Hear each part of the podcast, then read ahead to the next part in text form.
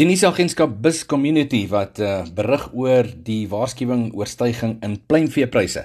Dit is die vereniging van vleis-in- en uitvoerders van Suidelike Afrika, ook genoem AMI, het uh, verbruikers gewaarsku om voorberei te wees op hoër pluimveepryse weens tekorte ook as gevolg van die onlangse voëlgriep, as ook 'n gebrek aan aksie deur die regering om uh, sake soos verlaging van invoertariewe en ander noodmaatreëls aan te spreek.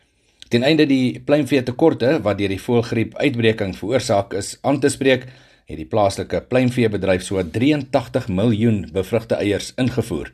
Aangesien hierdie eiers op 'n dringende basis ingevoer is, kos dit 3 keer meer as 'n plaaslik uitgebroeide dagoue kuiken. Nou hierdie kostes sal ook uiteraard uh, prysstygings tot gevolg hê wat noodwendig na verbruikers deurgegee sal word.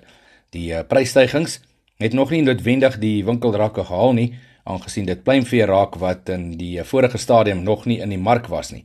En die verwagting is dat hierdie produkte die mark gedurende die eerste kwartaal van 2024 ook met 'n stewige prysstygings sal betree. Soos gesê, die nuus kom van Bus Community.